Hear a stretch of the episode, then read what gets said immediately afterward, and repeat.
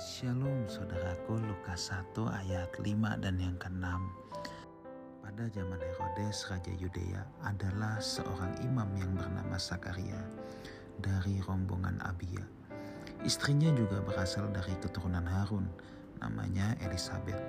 Keduanya adalah benar di hadapan Allah dan hidup menurut segala perintah dan ketetapan Tuhan dengan tidak bercacat. Saudaraku, kalau kita melihat Alkitab, maka ini bukan kejadian yang pertama kali di mana Tuhan memakai orang yang mungkin dalam hitungan manusia tidak ada apa-apanya atau dalam uh, hitungan manusia ini bukan golongan yang diperhitungkan ya.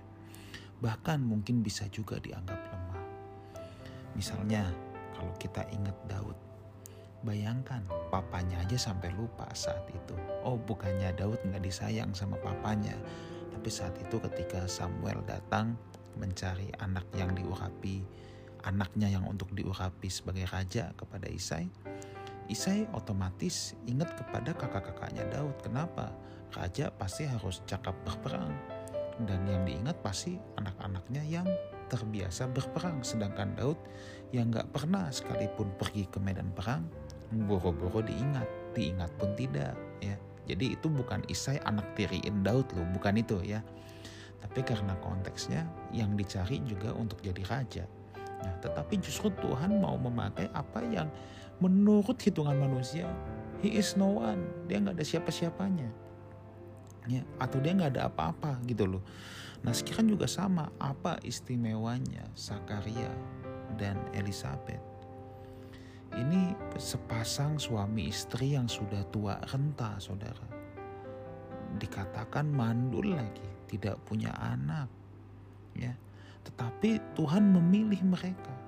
Dasar pemilihan Tuhan atas hidup seseorang yang mau dipakai menjadi alatnya yang efektif itu bukan karena dia terlihat hebat, terlihat gagah, terlihat sempurna, diperhitungkan manusia lainnya, dianggap terhormat. Bukan itu, sama sekali bukan itu perhitungan Tuhan.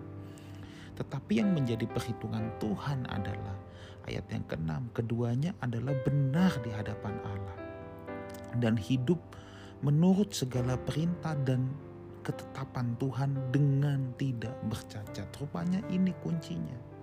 Ya, rupanya ini kuncinya apa yang dilihat manusia itu sangat berbeda dengan apa yang dilihat Tuhan.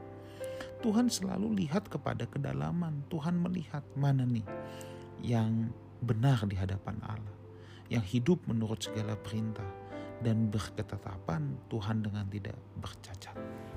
Nah, Tuhan sangat melihat kedalaman. Tuhan melihat apa yang manusia tidak melihat.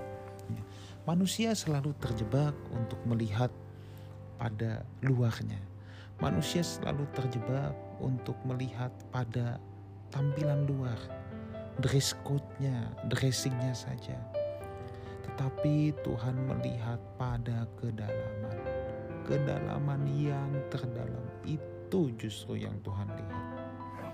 Itu sebabnya saudara, kalau kita mau menjadi alat Tuhan yang efektif, kita mau dipakai Tuhan secara luar biasa. Kita mau jadi alat kebanggaan Tuhan. Kita mau menjadi pelaksana-pelaksana kehendak Tuhan. Maka ini yang dibutuhkan, hidup benar di hadapan Allah. Menurut segala perintah dengan tidak bercacat. Kita berusaha sebaik mungkin saudara. Untuk hidup benar di hadapan Allah. Tuhan mencari orang-orang yang bersih hidupnya. Tuhan mencari orang-orang yang memang punya ketetapan hati kuat, kemauan kuat untuk menjadi rekan kerjanya, pelaksana kehendaknya. Dan saya percaya itulah saudara dan saya. Mari tetap semangat mengiring Tuhan sampai pada akhirnya Tuhan Yesus menyertai kita semua. Amin.